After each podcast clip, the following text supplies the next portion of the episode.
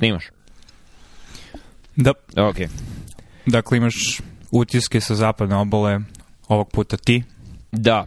Prvi put sam u Los Angelesu, sleteo ponedeljak uveče i jeste odlično vreme, mislim sad je koliko, četiri popodne, sreda, plavo nebo, 20 stepeni Celzijusa, neki lagani vetrić, duva koji nije ni previše topao, ni previše hladan. E, prelepo vreme, ali nikad ne bih mogao ovde da živim. Jer sam juče putovao od Irvina, gde sam sad što nije tehnički LA, predgrađe Povlaka, drugi grad koji je blizu LA-a, nalazi se u Orange County-u. Um, od Irvina do zapadnog Hollywooda, koji je manje više u centru LA, ako LA ima centar, trebalo mi je jedan sat. Uh, to je bilo između 12 i 1 popodne.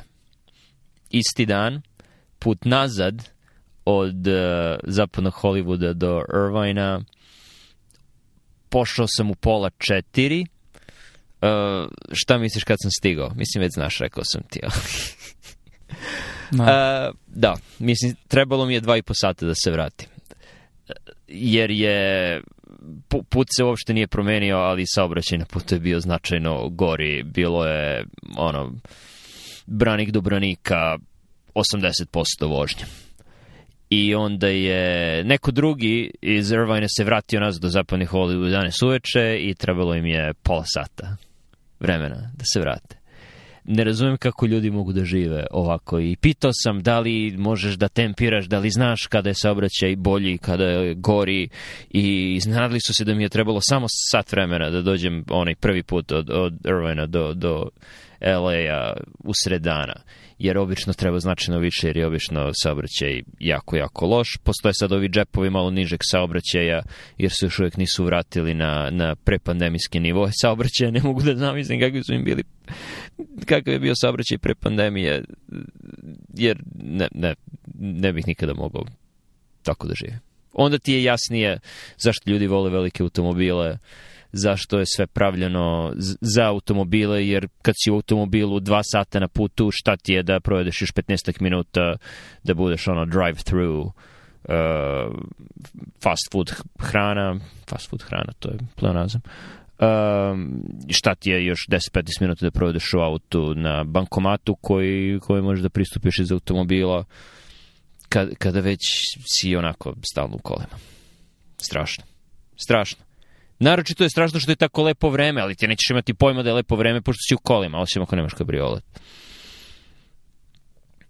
Ne, ne razumem, ne razumem ovaj način života. Možda je malo, možda ima malo više smisla ono usred leta koji je jako vrućina, ali po onome što znam savršena stvar u vezi je što je vreme tako dobro da čak ni leti nije tolika vrućina da ne možeš da izađeš iz auta. Mislim, redko je. U Beo, Beograd je generalno toplije od LA u, ono, usred leta tako da napravio si grad koji ima savršeno vreme za provođenje eh, vani i onda si tako ga napravio da ne možeš da šetaš, nego moraš da svuda da ideš auto. Da. Dobro, sad, sad, sad ti je možda malo jasnije zašto ima one čitava serija SNL skitova gde je glavna fora gde ljudi doze u tu jednu kuću i svi pričaju kako su došli uh, kad kaže what are you doing here i onda objašnjava kojim ulicama je skrenuo zato što svaki a, domorodac mora da zna koje su najbrže i najefikasnije ulice u trenucima kada je veliki saobraćaj, tako da a, commute je veliki deo života ljudi u tom regionu.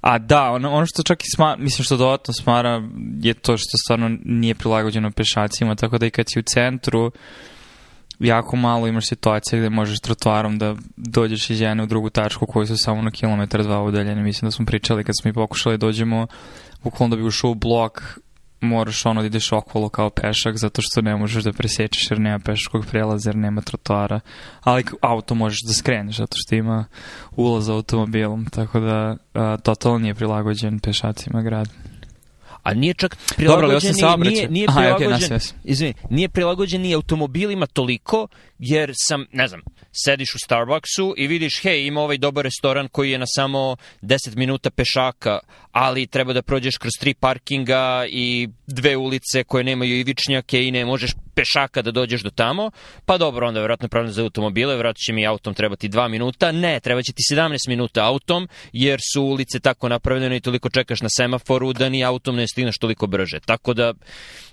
uspeli su da, da upropaste uh, dobru geografiju i dobro vreme lošim planiranjem. Kaži mi sad šta stvarno misliš o LA. Tell me Do, what you... dodatak. Tell me what you really Dodatak think. više vremena. Dobro, jel, mislim, ću pričamo 10 minuta savrću. ne, ne, ček, više, završit ću ovo. Završit ću ovo. Uh, pričao sam sad sa nekim ko živi i radi u irvine Uh, i došao je ovde iz Hjustona i naravno da je bolje ovde nego u Hjustonu i kaže Irvine je super itd. itd. I da, stvarno, ako si, jer je Irvine samostalan grad koji opet moraš svuda da voziš, ali bar saobraćaj nije toliki i ako ti sve za život što ti je potrebno uh, možeš ovde da nađeš, a možeš, to je okej okay. Orange County je ceo takav i sve je to super i i možeš na LA da gledaš kao ne neki grad koji je ono, stotinama kilometara daleko, a ne 30 kilometara daleko. To je okej, okay, ali jedini problem je, šta misliš šta je problem? Što nema ništa u Irvine-u. Ba pa ne, reci da ima svega u Irvine-u, ima, ima restorana, mislim ima outlet, ima plaže, ima, ima imaš sve u Irvine-u, ali, ali šta, je, šta je problem sa Irvine-om? Šta je problem sa Orange County? Nema aerodrom. LAX je blizu. LA... Mm? Požari. Ne, požari su u LA. u Nedostatak po... vode. Ne. Ne, ne. Problem je što je Orange County verovatno posle San Francisco i, i Bay Area drugo najskuplje mesto za život. Jer naravno da A, ako okay. imaš nešto što je relativno blizu LA-u i što je, ono, ima super klimu, super geografiju, sve ti je ono, ako hoćeš da ideš u prirodu, sve ti je na sat i po dva vožnje, od pustinje do planine do mora, sve je tu, Vegas je na dva sata, super je, ali moraš da platiš. Tako da je tržište progovorilo. Ok. Ima li nečeg lepog? Koliko si, u stvari, kad si, kad si došao u LA i pa kad nije, si se vratio? Koliko si rano? sam trenutno manje samo 48 sati, ja idem, vraćam se večeras u 10, tako da sam uspeo da mm. dobijem najgoru, mislim dobijem, sam sam izabrao, pošto sam hteo što manje vremena da provedem ovde, iz razloga koje sam upravo naveo, uh, imam presedanje ono, u dva ujutru u Cincinnati, jej.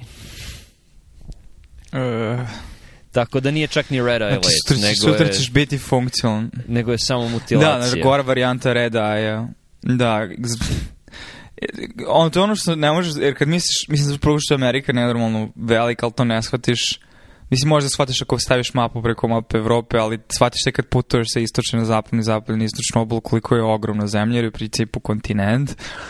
I drugo, znači, taj povratak nazad sa vremenskom razlikom, gde u stvari gubiš sate u principu, uh, je katastrofa. Znači, dođeš onako ujutro sav nikakav, po avionu si proveo 5, 6, 7 sati, paš, paš, ružno iskustvo. Naročito što misliš, a pa to su samo tri vremenske zone, da, ali to bi trebalo verovatno da budu četiri vremenske zone, a i istočna obala je na samom, na samom istoku po, znači poslednje, trebalo bi tehnički da bude jedna, jedna vremenska zona više, zapadno obalo trebalo da bude jedna vremenska zona manje, tako da je u stvari pet vremenskih zona, tako da se ne razlikuje puno od leta preko Atlantika. Znači, sa istočne na zapadnu obalu to je kao, kao preko okeanski let. Jedan. Da, da. To je mislim ono što mi nije bilo jasno dok ne iskusiš to na svojoj koži. Ja. Da, tako da definitivno imam veći jet lag i imaću ga tek sutra. Uh, a, kad, e, nego što bih očekivao za samo tri vremenske zone. Mislim da su malo štimovali vreme. Ali dobro, duši, četiri dana si leteo, tako da vjerojatno nisi sad ni stigao ni da se navikneš. Da.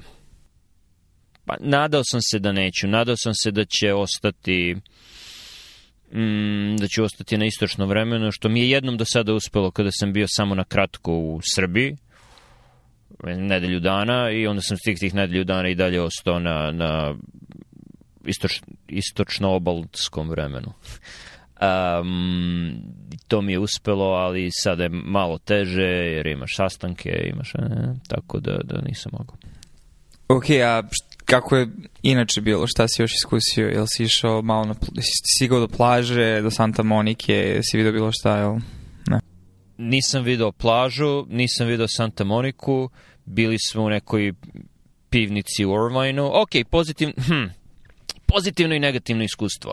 Dobra vest, ima puno mini, mikro, nano, piko pivara koje imaju 30 piva koje oni samo koji oni sami prave, plus još jedno 15-20 koji su iz drugih pivara i imaju ono pristojnu hranu za ono smešne cene u poređenju sa DC-em, a kvalitet je jednak, znači tad tek vidiš koliko je DC precenjen i koliko je hrana u DC-u loša za ono koliko platiš. To je dobre vesti, loše vesti. Šta misliš, Nebojša, šta su loše vesti uh, u pivnici koja ima 55 piva? Sva piva su IPA ili nema ni jedno belgijsko pivo? Oba, obe stvari koje si rekao su tačne. Da, to je neverovatno. Od 55 piva 50 su ti IPA-evi. Bukvalno. I to su varijante gde si dodao ovo voće, ono voće. Čak im je i božićni, božićno pivo im je IPA kome su dodali cimet, muskatni orah i ne znam ja šta što je odvratno. Probao sam. I onda pitam um, osobu koja je bila sa druge strane šanka, da li imate neki tripel? Pa imamo ovaj i ja pogledam šta je u pitanju, šta misliš Nebojša šta je u pitanju? Triple IPA. Da. Strašno. Tako da sam, imali su neki, ok, na kraju su imali nešto što, mislim, samo tehnički može da se nazove pivo, bio je Bourbon Barrel Stout, kome je procen alkohol bio 17%. I to je bilo, to je bilo ok. Naročito je dobra stvar bila što uh, ono što je čudno je sve se zatvara u 10. Pred zatvaranje e, nam je prišla grupa um, grupa ne znam šta su bili, ali imali su kamere i ugovore sa sobom i snimali su neki promo materijal za e, državu Kaliforniju. Znaš, ono kad priča kako je lepo posjeti Kaliforniju, super je noćni život i pošto je ono, počelo je da biva prazno i mi smo sedeli tu i onda su doneli jednu grupu koja je trebalo da bude, koju su u stvari snimali i mi smo bili pozadina um, koje su, koji, koji su snimali ono direktnije, ali nisu hteli da oko njih budu samo prazni stolovi, tako da su zamolili nas da ostanemo i, nismo re, i mi smo rekli, aj, onako smo planirali da krenemo, a onda su rekli, ali kupit ćemo vam piće. tako da smo dobili jedno besplatno piće. I bili na kamerama u LA-u. Haha. I koje je bilo drugo piće koje si uzeo?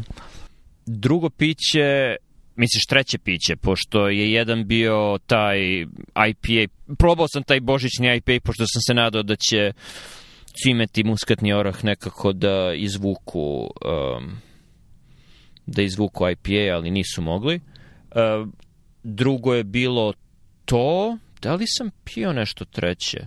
Ne, ponovo sam naručio ovaj od 17%, naravno lažem. Pa to, to sam se pitao, da li si popio dve, dve, dva vrlo jaka vina?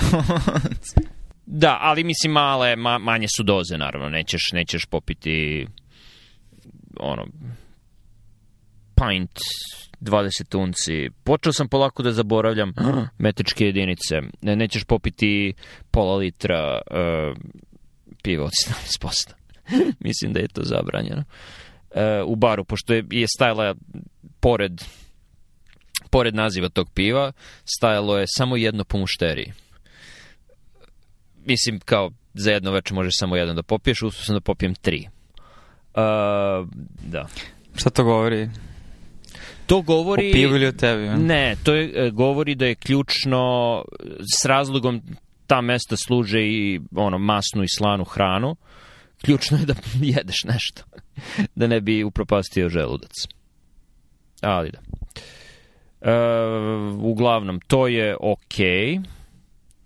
Još jedna ok stvar je ono, zapadni Hollywood je bolji nego što sam očekivao i ono, voziš se kroz Beverly Hills, lepo je kao, kao u seriji, mislim. Uh, I deluje mi kao mesto gde bi ono, moglo da se šeta, pošto definitivno ima gomila pešačkih prelaza, ima gomila trotoara, tu možeš da šetaš, ali naravno, koliko mora da platiš da bi živao tamo. Tako da je to, to. Ono, u principu delo, delovi LA-a i predgrađa LA-a u kojima je lepo živeti su skupi, skuplji od DC-a, pretpostavljam. Oni delovi LA-a koji nisu toliko dobri jer ili nemaju sve, ili je prevelika gužva, ili je, ne znam, previše beskućnika, uh, Uh, oni su pristupačniji, oni su verovatno nivoa kirije i nekretnina kao što je u DC-u, ali mislim nije, nije idealno naravno. Mislim to ti je tržište šta da se radi. Kad sam već spomenuo beskućnike, misli, još uvek zamrzim. To se ja te pitam, koji su tvoji otisci? da, da. da kad sam spomenuo beskućnike, ima ih mnogo manje nego što sam očekivao i u stvari sam video, nisam u stvari video, ali uglavnom većinu vremena sam proveo u Irvine-u, tako da je možda to razlog. Video sam jedan ili dva šatora, sasvim sigurno manje nego u DC-u. Verovatno je to delom Onda nisi bio na pravim mesta da, u da, LA-u. Da, to je funkcija da, toga što u stvari u da. LA-u sam stvarno bio samo ono, Bio par si nešto... na Beverly Hillsu, nema beskućnika, to, to, to ću ti odmah kažem. Ok, mm. to je, to je, u stvari to je jedini trebalo deo LA gde sam stvarno bio. I trebalo je prema Skid Row malo da ne, prošetaš ne. i drugačije video. ne, ali i ljudi koji žive u LA-u su primetili da ima manje beskućnika sad nego kad si ti bio. A pod ljudi mislim na jednu, jednu konkretnu osobu. Tako da, koju ti znaš. Uh, tako da se smanjio broj. Ne znam zašto. Otišli su u San Francisco. u ovo vreme, za nije sada u San Francisco loše za, za biti jer je hladno i vlažno i, i... Da, ali ne mogu te uhapsati ako se drogiraš fentanilom, tako da... Molim? Pa, generalno javni tužilac sad da li je okrug ili kako već ne, ne, ne juri slučajeve za posjedovanje derivata mislim, i droga nalik heroin. I misliš da zato... Tako da oni imaju najveću da smrtnost, zato... najveću smrtnost grad najveću smrtnost od predoziranja po glavi stanovnika prošle godine u Americi, više struko veći nego drugi gradovi koji vode, tipa DC, Baltimore, a New York um, je San Francisco. Mm. Ok, to ne iznenađuje, mislim to je malo samoubistvo ovih vlasti u tim gradovima. Ne razumem šta oni misle šta treba da se desi. Slušao sam dobru epizodu povodom toga Icon Talka, Russ Roberts, imao je nekog novinara koji je skoro objavio knjigu o novom, novom talasu mm, novom talasu epidemije opioida i predoziranja opioidima i ono naravno fentanil je toliko ono ako možeš prvo možeš da ga sintetišeš tako da ne zavisiš od farmera to je jedna velika stvar lanac samdevanja je mnogo jednostavniji prvo i ono laboratorije možeš da sakriješ mnogo bolje nego nego njive maka i drugih biljaka drugo mislim mnogo je lakše prenositi manje količine koje su ono ubitačne i sečeš, ako sečeš nešto, mislim da je rekao odnos 1 prema 50, to je jako, jako povoljno za onoga ko prodaje. Ali problem sa tim je što kad su sekli fentanil, koristili su u početku, možda neki i sada, koristili su Magic Bullet miksere, koji nisu dobri za mešanje praha, jer ti je potrebno drugačije, drugačije sečivo da bi mešao prah, tako da su oni mislili da seku kako treba fentanil 1 prema 50, ali su pravili, nisu ni pravili smešu, nego je jedan deo vrećice jedan 50. deo vrećice bio čist fentanil, a onda tek 49 ako ima dve, tri mrvice fentanila. Tako da ili nije ništa radio ili te ubio na mestu čak i ako si već bio veliki zavisnik. Pa da, mislim, to je ono što smo pričali skoro i, i, i više puta, što stvarno mislim da postoje neke tehnologije koje su toliko moćne da je upitno koliko može pojedinac da ima informacija i da može da donese odgovornu odluku, a pogotovo ako je taj pojedinac neko koji je već zavisan od opioida i samim tim je to svedoči ono, statistički gledano da njihov život baš i nije potpunosti sređen, da nisu sposobni se da prave um, već većinom razumne odluke i znaš što ono war on drugs i problemi vezani za sve to itd. itd. ali ja mislim da fentanyl definitivno ne bi trebalo da bude ni dekriminalizovan ni legalizovan zato što se svodi na to da mi ne možemo da razumemo te redove veličina i, i većina ljudi nema edukaciju nivou šta je terapeutski indeks i šta je terapeutska širina i I, i znaš, ti kad nekom pokažeš kolika je doza fentanila koja je dovoljna da te ubije, mm, ne, ne možemo to da percipiramo. Ko što ne možemo da percipiramo nenormalno velike brojeve ili, razumiješ, ti u bolnici kad daješ, ti se služiš abstrakcijama time što postoje um, ono, orderi koje stavljaš i, i doze su mikrogramske, tako da niti ti mešaš, niti imaš bilo kakav kontakta s tim, nego radiš ono što je po protokolu u bolnici i ne možeš da preteraš ili jako teško možeš da preteraš jer uglavnom su to pacijenti koji su već intubirani. A druga stvar kad ti na ulici, mislim, uzimaš neki prah koji ko zna šta je, mislim. I, no. Slažem se. Druga stvar koju sam saznao na toj emisiji Robertsa je uh, da sada postoji, mislim sve što znam o metamfetaminima znam gledajući Breaking Bad. To, to, to su nivoi mo, mo, mog shvatanja, ali od tada se javio novi način pravljanja metamfetamina za koji ti nije potreban pseudoefedrin, već uh, nazvao ga je nekom skraćenicom, sam da li PCP metod ili tako neki metod. Znam da, da me je skraćenica zbunila jer je značila bar dve dru, druge stvari, tako da prepostavljam da je u pitanju PCP. Uh, za koje ono, ne možeš da kontrolišeš sastojke, pošto su široko dostupni u hemijskoj industriji, e, tako da, da za sada nisu kontrolisani i da ne postoji samo jedan način pripreme, nego 10 različitih, ali da je problem sa tim metamfetaminom, ovo je malo rekla kazala, jer taj novinar je kao rekao da mu je jedan od korisnika rekao da taj metamfetamin, metamfetamin izaziva mm, psihozu i simptome slične šizofreniji. I on je rekao da je kao bio na, bio je jedan od onih korisnika, met, rekreativnih korisnika klasičnog metamfetamina koji je mogao, ono, da ima relativno normalan život jer se dozirao, bla, bla, bla. Mislim, pretpostavljam da ti ljudi postoje. Postoje ljudi koji su ono na heroinu, a ipak imaju posao i što god.